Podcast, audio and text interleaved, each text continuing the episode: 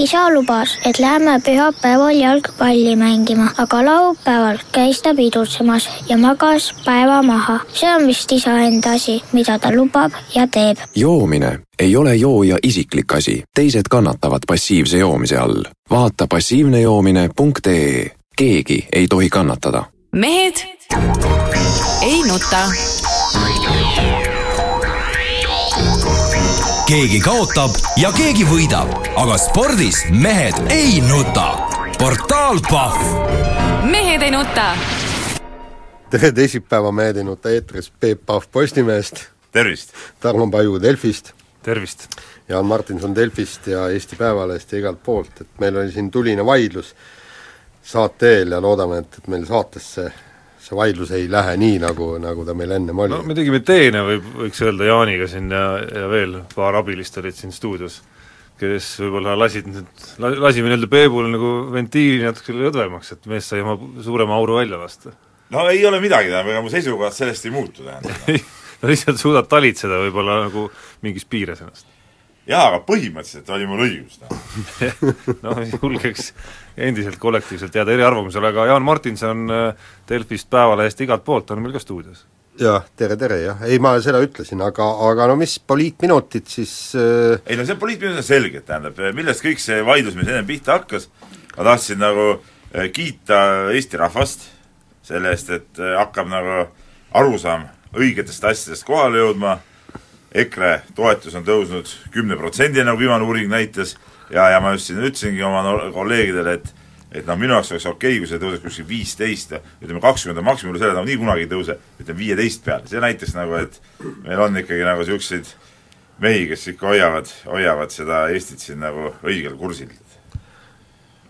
no ega me, meil ei olegi midagi öelda, ma loodame küll, et, et nii ei juhtu, aga no sina, Jaan, jah, ma saan aru, et sa loodad, et siis äh, tuleb see Äh, Keskerakonna ja Reformi koalitsioon, seda sa oled kogu aeg oodanud ja andnud, jaa. jaa, aga mis neil, mi-, mis sellel koalitsioonil nagu viga oleks? ma ei, ma, ma ei ma aga oma... praegused äh, riigivalitsejad Reformierakonnast on riigi ju tuksi keeranud ju. absoluutselt, vot, vot selles mõttes ongi, tähendab, et, et vot, vot seal tõesti tuleks mingisugune mingisugune lüke teha, et, et noh, ma isi-, isiklikult väga loodan, et, et ikkagi Kadri Simson tõuseb ja nagu näha, vaata, vaata meie praegune see valitsus on, on kõik nende eh, nagu niimoodi Euroopa ees kogu aeg nagu, nagu kummargil ja, ja uurakil nagu näha, muudes Euroopa riikides, võtame nüüd Poola näite, eks ole, ja seal ikka ütleme ka, nagu teistsugused eh, meelsused hakkavad ikka nagu pead tõstma ja ja ma ütlen, et lõpuks ongi see väike Eesti ongi üksinda oma, oma eh, Euroopa poole kummardamisega, tead noh no ma siin äh, võtaks teema kokku ka lootusega, et Peebu äh, unistused siiski päris ei täitu, et, et vihakütteid nii palju populaarsust ei, ei võida, aga ma tahaks, ma tahaks, kui me poliitminutitel juba oleme, tahaks siiski naasta oma ühe meie lemmikteema juurde. Äh, need on loomulikult need meie kallid riigikogulased, me juba Priit Toobalit tervitasime eelmisel korral ja tunnustasime teda ja teisest küljest ka avaldasime kaastunnet, aga ma tahaks seekord küsida siin mõned päevad tagasi hakkasin mõtlema just, et eh, tahaks, tahaks küsida nagu nendelt inimestelt, kes nagu Riigikogu juhivad seal antud juhul ja kogu see kantselei ja see pool ka, et ma hakkasin mõtlema, et kui ma ise läheks, viiks oma ettevõttes sellise posu bensutšekke ja diislitšekke segamini kõik, eks, läheksin, viiksin finantsjuhile või raamatupidamisse, eh, nad asuvad kolmandal korrusel, meid toimetus on neljandal, ma arvan, et finantsjuhi nagu karjumist oleks kuulda kusagile nagu neljandale täitsa vabalt nagu ära.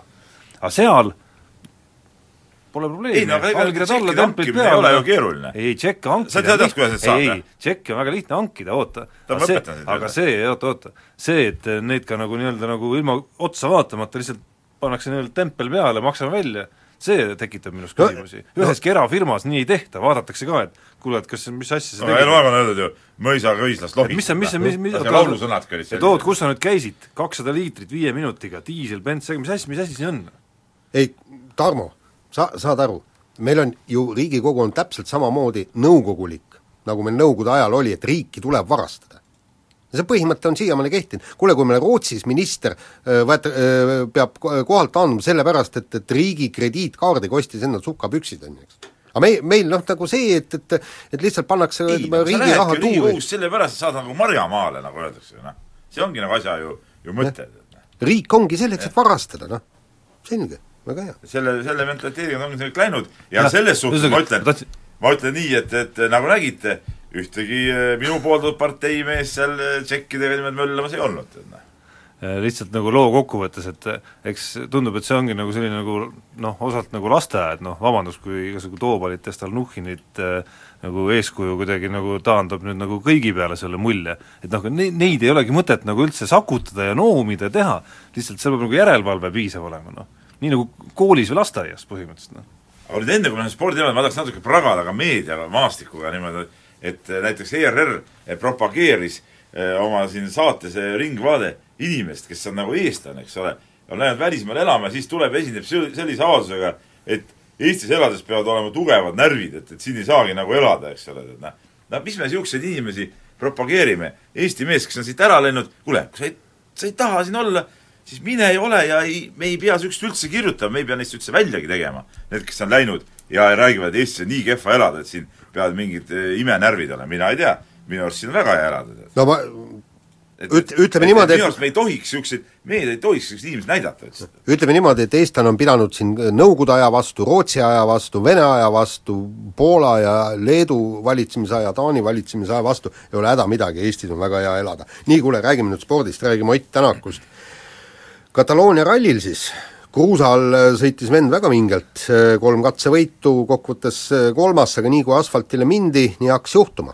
ja, ja legendis väike viga, liiga optimistlikult mindi kurvi, sealt raja piirdesse, ratas alt ära, sellega oli ra-, ralli jälle kokku pakitud, et et noh, samas jälle no ma ise mõtlen, et, et tõesti tal, kui, kui konkurendid sõidavad sedasama Katalooniat või, või teisi asfaltrallisid kordi ja kordi ja kordi ja kordi, selge see, et nad oskavad seda legendi märksa paremini kirjutada. isegi, niukse... isegi kordi ja kordi, sa ütled, Sebastian Ogier viimasel katsel eksis põhimõtteliselt sarnases olukorras, ma vaatasin otse laivis seda, seda kihutamist ja, ja, ja, ja väga ka pealtnäha lihtsas olukorras. aga üldiselt äh, ma mõnes mõttes ma olen nagu Tänaku enda hinnanguga selle rallile ka nagu nõus, et, et tegelikult äh, see mõnes mõttes tegi nagu head meelt, okei okay,, see lõpptulemus oli muidugi jama täielik, aga just see, just see ikka see kruusakiirus, et seda, seda ta on ikkagi mitmed rallid tõestanud, see ei ole nagu mingi juhuslik, juhuslik asi. et kruusamees on ta nüüd kõva, eks ole, nüüd ongi küsimus selles, et kuidas seda kuidas selle asfaldiga nagu sina sõbraks saada ja kas sellest eh, piisab, ütleme, korraliku lepingu saamiseks järgmiseks aastaks, et sa oled kruusal nii kõva. aga ma arvan, et piisab, ma arvan, et tegelikult kõik see Wilsoni jutt on, eh, no see on puhtmõistlik arvamus. Eh, ja vaadates, kui, kui rahulikult minu arust Tänak ja Mölder seda asja võtavad praegult, et eh, nendel on ikka mingid diilid on juba kokku lepitud. kusjuures ma, ma ütleksin veel see, see, et, et hämmastav on selle äh, Ott Tänaku õppimisvõime. ta nüüd sellel rallil äh, Kataloonias pani ju äh,, Evansile pani kõikidel asfaltikatsetel ära, kusjuures, kusjuures varem ta Evansile nagu väga vastu ei saanud asfalti ja jah, et ja, ja selge see, et ega Evan, Evans ei käinud seal ka nina nokkimas, tal ka samamoodi lepingut vaja ju. No samas, samas seda Wilsoni asja võib analüüsida, aga see, miks äh, antud hetkel tundus see Tänaku katkestamine või noh, ütleme siis nagu väike avarii seal või päris suur avarii äh, nagu nii nagu traagiline, võib-olla traagilisem kui mõned varasemadki sel hooajal, oli ikkagi see, et hetkel on hooaja lõpp käsil, lepingute sõlmimise nagu kas siis aeg käsil ja seesama Wilsoni nii-öelda avalik surve ka ikkagi on nagu üsna tuntav.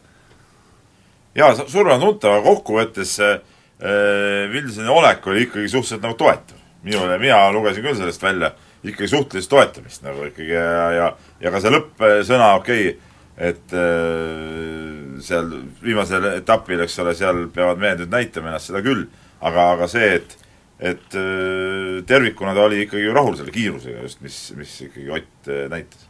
aga, aga, aga öelge nüüd spetsialistid seda, kui palju on mehi, kes võiks talt töökoha ära võtta? no ju, just, ju, just seda ma tahtsingi öelda, et, et ei ole, vaata, äh, auto on väga kiire ja see, ja, ja, ja sinna on rooli vaja kindlasti väga kiiret meest.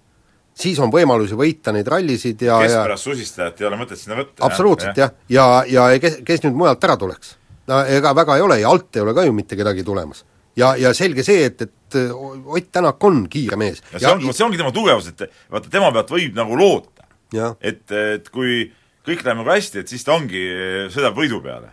järgmine aasta kindlasti, kui ta nüüd on kõik need rallid läbi teinud, järgmine aasta kindlasti. kui sa võtad niisuguse keskpärase susistaja, kes seal ütleme, ei eksi eriti, aga ütleme, sa teadki, et noh, tema maksimumtase ongi seal neljas, kolmas võib-olla mõnikord ja nii edasi, noh sellel ei ole nagu otsest nagu pointi tegelikult, noh, kui sul on nii hea auto. Sa peadki võtma sellise, nii nagu ikkagi see, ma ikka tõmban paralleeli selle Jari-Mati Latvalega, no palju ta ikkagi neid autosid ka lõhkus ja lõhkus seal Fordis, eks ole, ja lõpuks ikkagi tulid, hakkasid need võidud tulema, no ja ta siiamaani lõhub neid autosid. aga samas ta on ikkagi kiire ka ja kui ta lõpuni vastu peab, siis ta on ikkagi seal esimene-teine kogu aeg ju noh jah, aga, aga Ott suudab Volkswagenitega võidelda. suudab võidelda, seda ta on juba tõestanud, jah. nii, aga nüüd kuulame reklaami.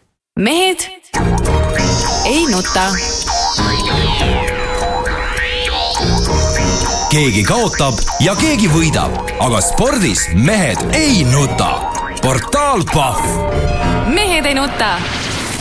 jätkame saadet kiire vahemänguga ja siis meie kuulus talumees kuskohast ta seal on, Lääne-Virumaalt, eks ju.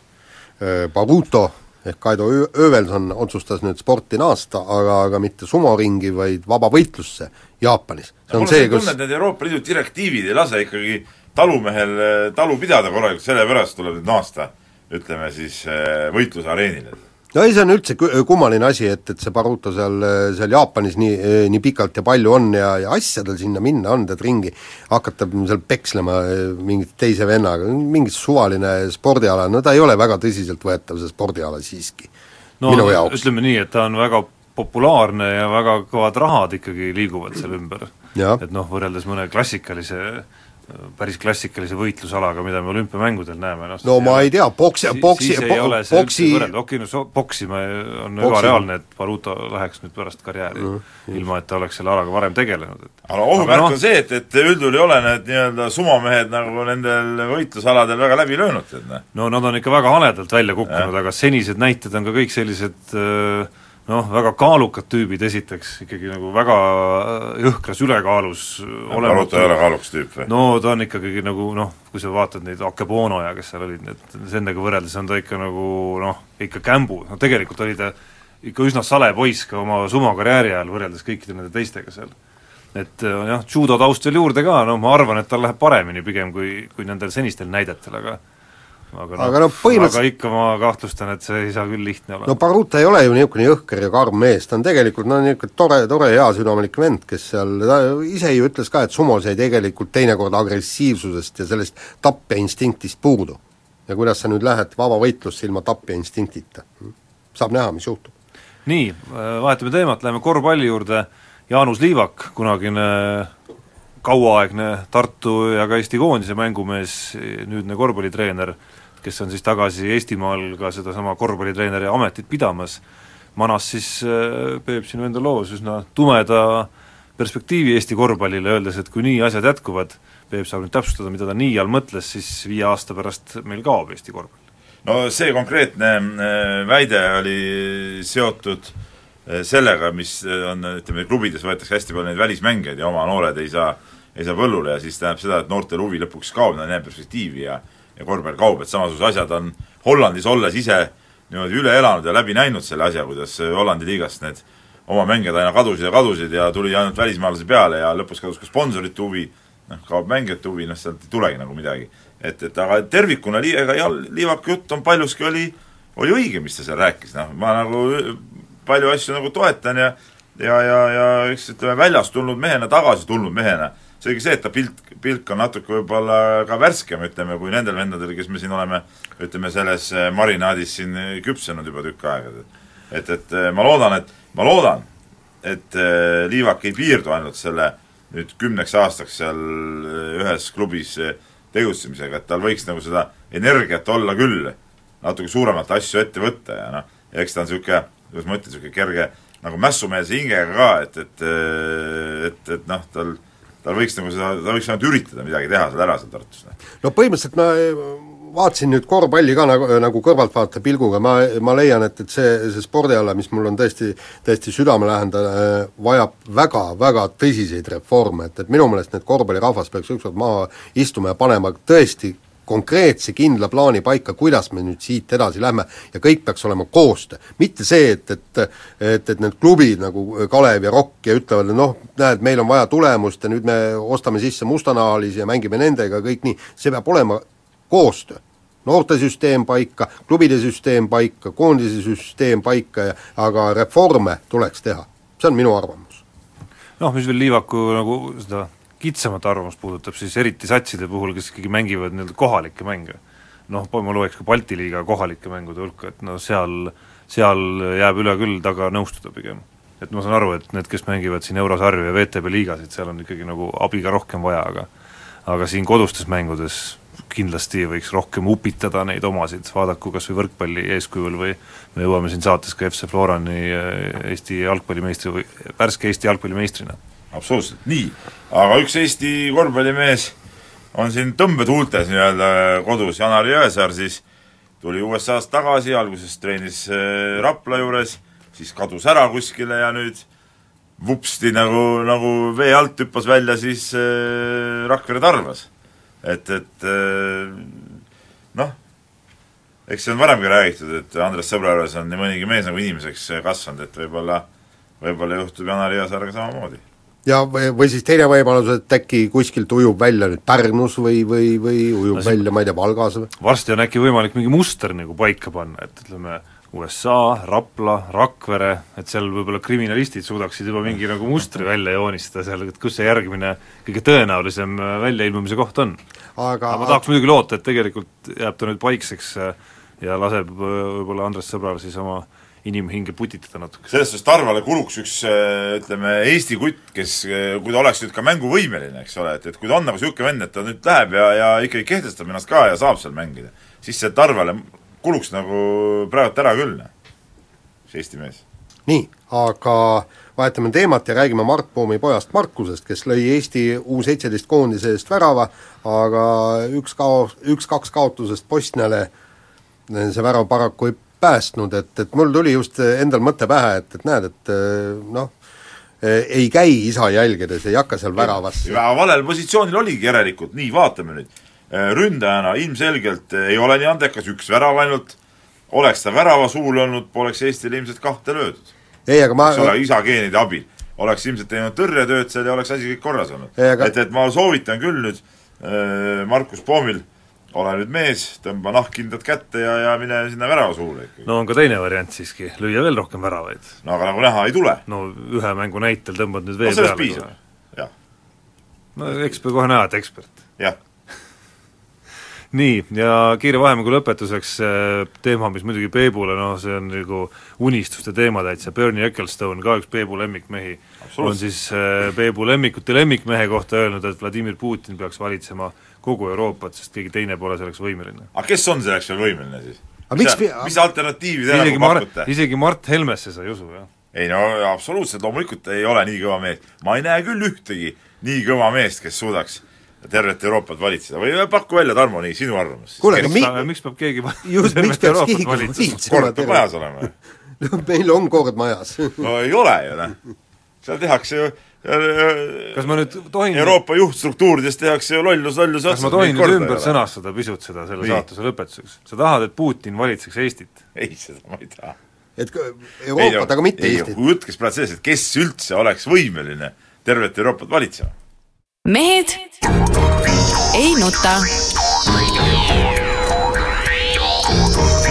keegi kaotab ja keegi võidab, aga spordis mehed ei nuta portaal Pahv.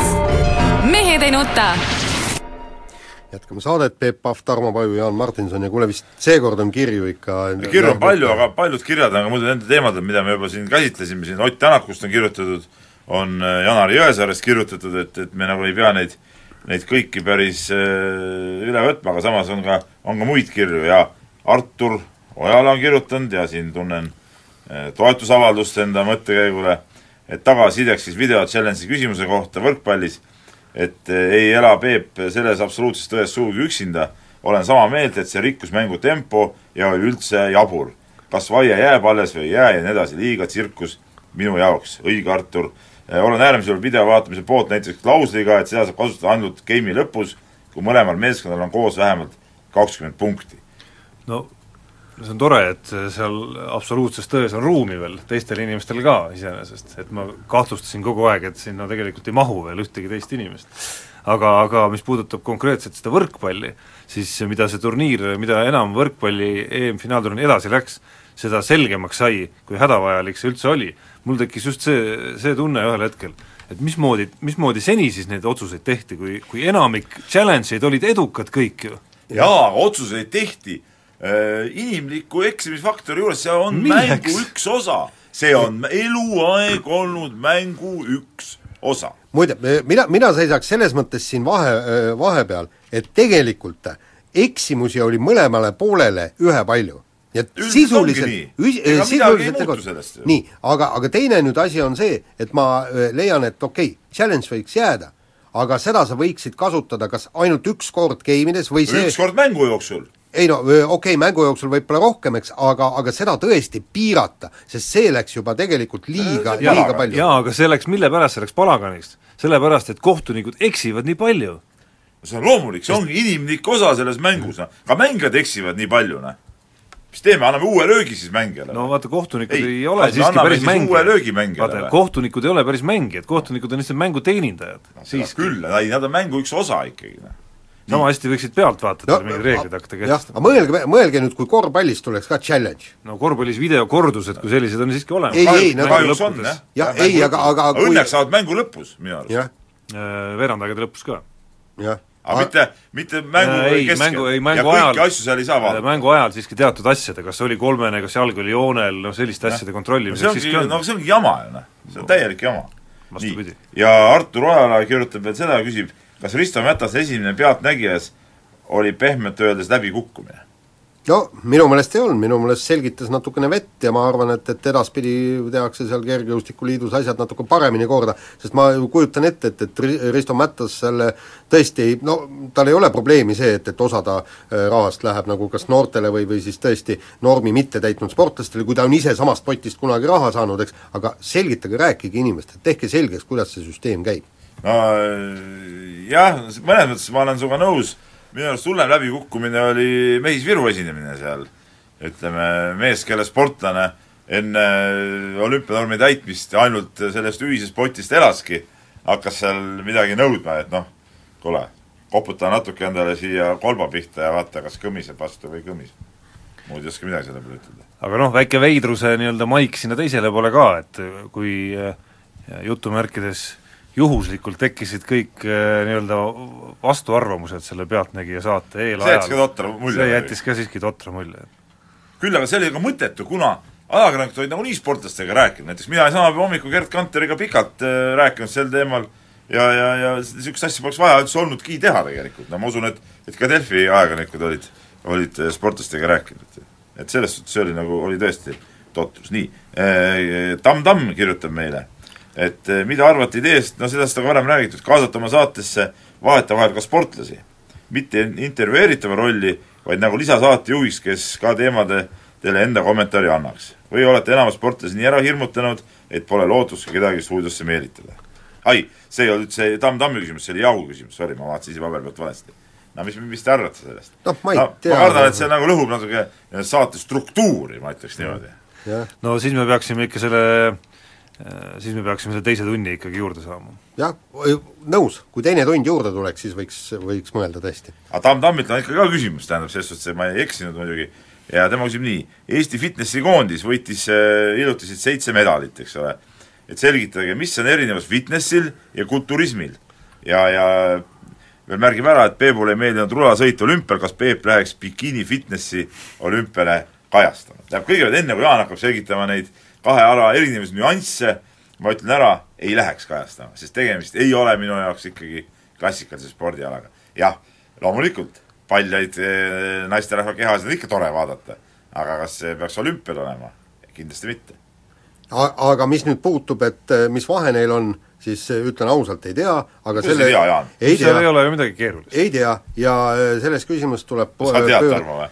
no kulturism on ikkagi puhas niisugune selline nii-öelda äh, noh, lihaste kasvatamise nagu no. üritus ikkagi, eks, ehk et no, võrreldakse seal muskulatuure, aga, aga fitnessis toimub ju ikkagi selline nagu liikumine laval ja no aga need liiguvad ka, ja ei no Aa, no. ütleme, see ei ole nagu puhas ainult lihaste no, näitaja. seda küll, aga aga, aga, aga mina ei ole siiamaani aru saanud, ei kulturismi, seda ma tean, eks, atleetvõimlemine omal ajal öeldi, aga, aga mis see bikini fitness ja milleks see kõik on, sellest ma ei ole tõesti aru saanud. et see on pigem see, mis on kasvanud äh, läbi, ma ei ole spetsialist muidugi, aga pigem sellest äh, harrastusest, mille harrastajaid on ju Eestis võib-olla üldse kas kõige rohkem, aga kindlasti seal tippude hulgas on see ala, ehk siis kõik see aeroobikad ja kõik, millega naised terviseklubides tegelevad. nojah, aga see on ikkagi, see on väga niisugune kummaline natuke ala, nii, aga võtame ühe küsimuse veel. aga küll meeldib ikka vaadata, eks ole. ei no pärast neid pilte ikka nagu natuke sirvid, mis on seal tehtud, nii. kirjutab veel kord Tamm Tamm ja küsib, et Jaan, sina, Jaan, eks ole, ja minu noor kolleeg, see oli vist, ma arvan, Kaarel Täll äkki, kirjutasid samal teemal artikli Ameerika jalgpallist. Eh, see oli siis see, see lugu, kus eh, oli skandaalne video, et USA telekanalil eh, näitas kogemata, eks ole, siis Margus Hundi klubi paljaid mängijaid ja siis küsitakse, et kas Margus Hunt osales selles projektis ja kas Jaanil mõnda asjalikumat uudist Ameerika jalgpalli eksperdina ei olnud kirjutada? jaa, milles asi?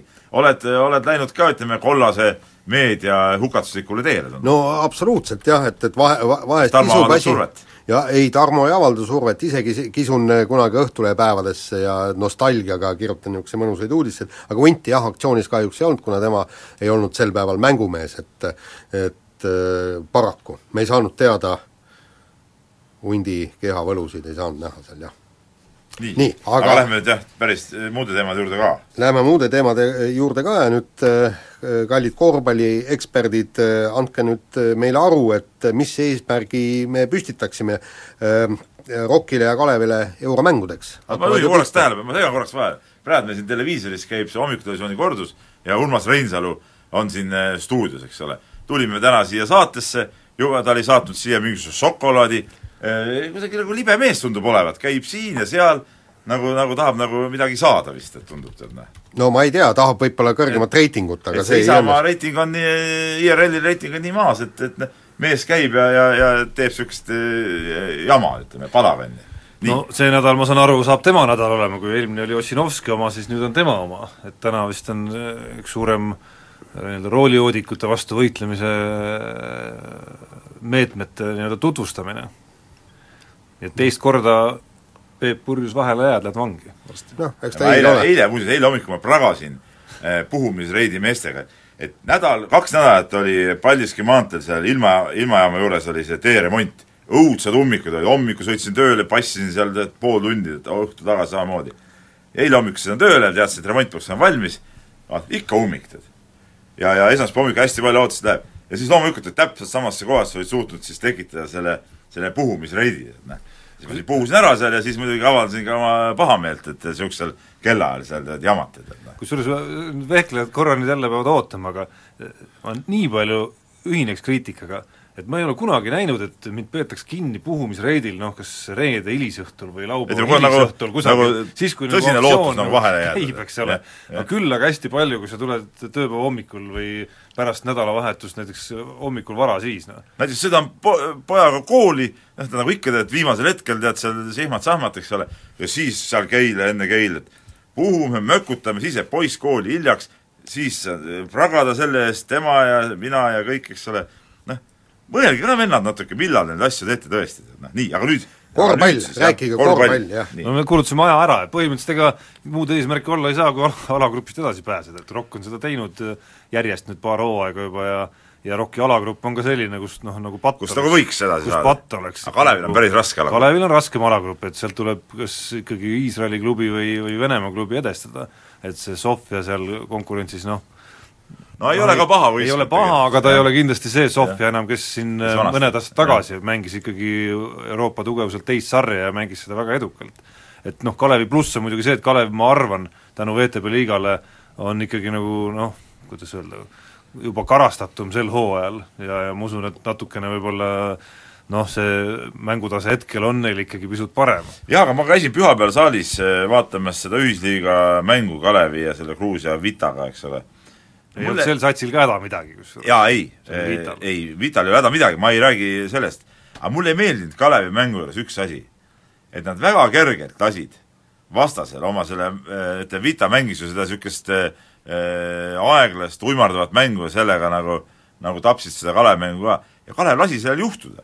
et see, kui nõrgem võistkond hakkab seal seda mängu tapma, eks ole, siis, siis ja seda lastakse teha, siis see võib hakata nendes muudes mängudes ka välja lööma, et, et et Kalevil on seal nõrku kohti ja, ja ma, ma ei ole päris Alar Varrakuga selles suhtes nõus, et ta ütles, et et noh, saime võidu ja, ja ütleme, see oli plusspoole peale kantav mäng, minu arust see mäng ei olnud küll see, mida plusspoole peal, võit, muidugi, võit on alati võit, tähendab, see on selge, kõige tähtsam asi. aga ütleme, see tunne, mis sealt jäi, ei olnud minu jaoks nagu selle pluss, plussmärgiga. aga enne, kui me pausile läheme, kiiresti, kiiresti ikkagi ka teistest teemadest, vehklemisest. no ei tahaks mina olla Kaido Kaaberma nahas, ütleme nii, et et sa pead tegema jube raskeid otsuseid, aga aga mina seekord ütlen küll, et ta eksis. No ma tundub küll, et ta eks-, sa pead ikka hindama seda, seda hetkeolukorda ja seda enam, et Kristiina Kuuse, kelle ta siis välja jättis, kes oli saanud just eh, teise koha, ta on ju vana tuntud või hea võistkonna vehkleja, ma olen niimoodi aru saanud siiamaani. ta oli võistkonnas alati sees, kes ütleme, suutis nagu hoida selle oma ära ju. no põhimõtteliselt te, te, tema ju pani aluse sellele eduloole koos Irina Emrichiga, nad võtsid ju kaks noort kõrvale ja nad ju võitsid seal nii MK-etappe kui ka medaleid. ja teine asi on see, et, et Julia Beljajev ei ole viimasel ajal eriti hästi vehelnud eh, naiskonnas, no mitte midagi ei ole teha ja ta oleks olnud tegelikult vist ae-, eh, võimalus ka ka välja vahetada, kuskil äh, pärastlõunal oleks saanud veel vahetuse teha ja, ja sealt on näha, eks, et äh, Beljajev langes välja, Kristiina Kuusk vehkles hästi, ma siin on kolm äh, MK-etappi jäänud, enam eksida ei tohi, Kaido. enam eksida ei tohi, jah. siin, siin sa pead kõik oma muud mõtted kõrvale jätma ja panema ainult õige aga eks ta, eks ta on raskes seisus, ütleme, kui sul on tõesti nii palju neid, ütleme, tal on ikka kuus naist nagu, mida Urvaste peab valima. jah, ja elu on näidanud, et ega see tingimata ei ole ka mingi näitaja, et kõigepealt on individuaalvõistlus, eh, üks naine on seal eh, kõikidest selgelt eh, parem, jõuab seal, ma ei tea, võiduni või finaalini, noh, meenutame Beljajeva maailmameistriks tulekut kas või, ja, ja pärast naiskonnavõistluse otsa, noh, sisuliselt oli ta võiks öelda nõrgim lüli. jaa, aga Kuusk on nüüd mitu võistlust järjest olnud nagu, ka oli ju siin Haapsalus oli see karikavõistlused, mis ja, oli, eks ole, ka, ka seal ta oli ju, ju hea, eks ole. ja, ja, ja nüüd seal ka, et noh, siin ikka mingid märgid näitavad, et ta on praegu hea. Noh. just, õige koosseis tuleb sisse panna, nii, aga kuulame vahepeal reklaami. mehed ei nuta. keegi kaotab ja keegi võidab, aga spordis mehed ei nuta. portaal Pahv mehed ei nuta.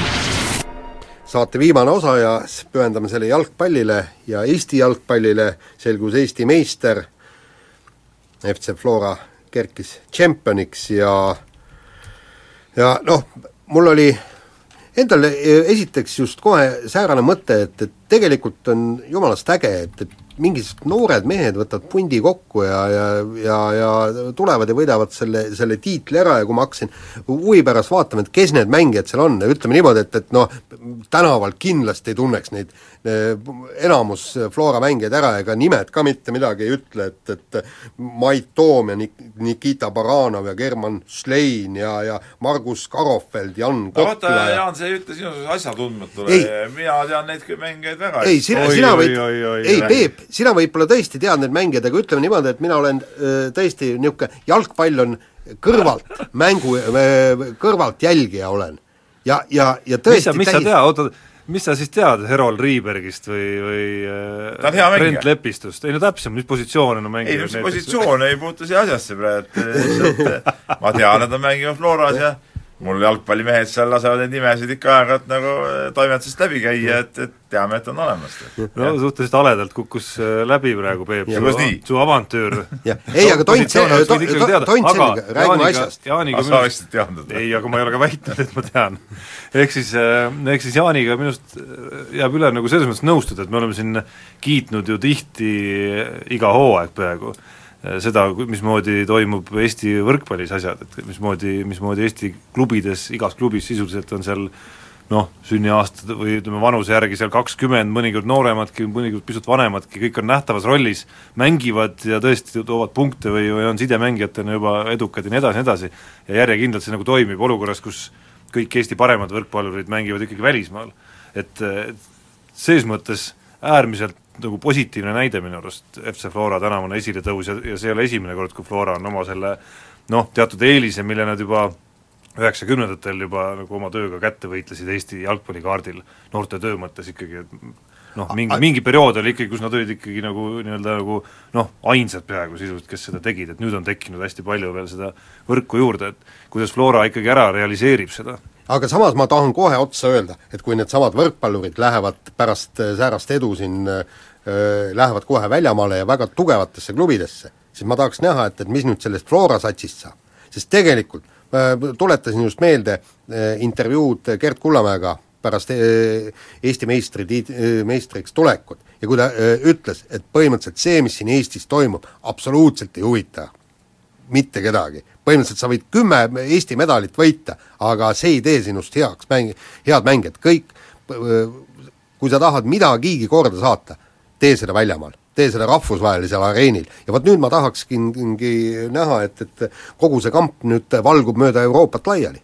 no praegu no, ega me ei saa öelda, et jalgpallurid ei ole välismaale läinud, et nad teavad, nad on läinud päris usinasti, on seda müügitööd tehtud, kas nad jälle õigesse kohta satuvad, see on nagu omaette küsimus, kas alati vägisi on mõtet minna, ma ei ole jätkuvalt seda meelt, et vägisi peaks minema, aga aga selles suhtes mulle meeldib Flora süsteem, üks asi on see väljaminek, aga me kiitsime seda, seda klubi ja, ja ma lugesin seda Norbert Hurda intervjuud ka, et seal ongi väga selgelt ütles ju välja, mis, mis puudutab paljusid meie pallimänguvõistkondi ja korvpallurit on siin palju õppida.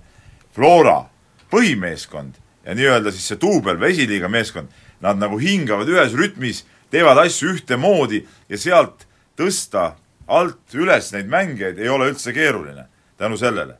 ja see on minu arust nagu võtmekoht praegu, mille peale peaksid kõik eh, klubid, olenemata nüüd sellest sportmängust, peaksid mõtlema. see on see asi, siis meil ei ole vaja Jaanus Liivakul ütelda, et meil on välismaa liiga ja siin see asi kukub kokku. ja selles minu arust seisneb just nagu üks nagu sümpaatne nüanss eriti, et uurisin siin meie jalgpallimeestelt ka enne saadet, et äh, see Flora tänavune põhituumik, suurem osa vanuses kakskümmend kuni kakskümmend viis, et kui nad oleksid sellised nagu supertähed, no siis nad, siis nad olekski kõik välismaale läinud juba, et seal ei ole sellist ütleme, neid nimesid, kelle kohta jalgpallieksperdid ütleksid, et nii, see on nüüd äh, ma ei tea, järgmisel või ülejärgmisel aastal juba kindlasti koondise põhimees ja ja mängib kuskil, ma ei tea, väga vä-, vägevas klubis, et neid seal seltskonnas väga palju ei ole tegelikult, aga seda sümpaatsem, et hoolimata sellest on ikkagi nagu usaldatud seda seltskonda ja see seltskond pandud mängima.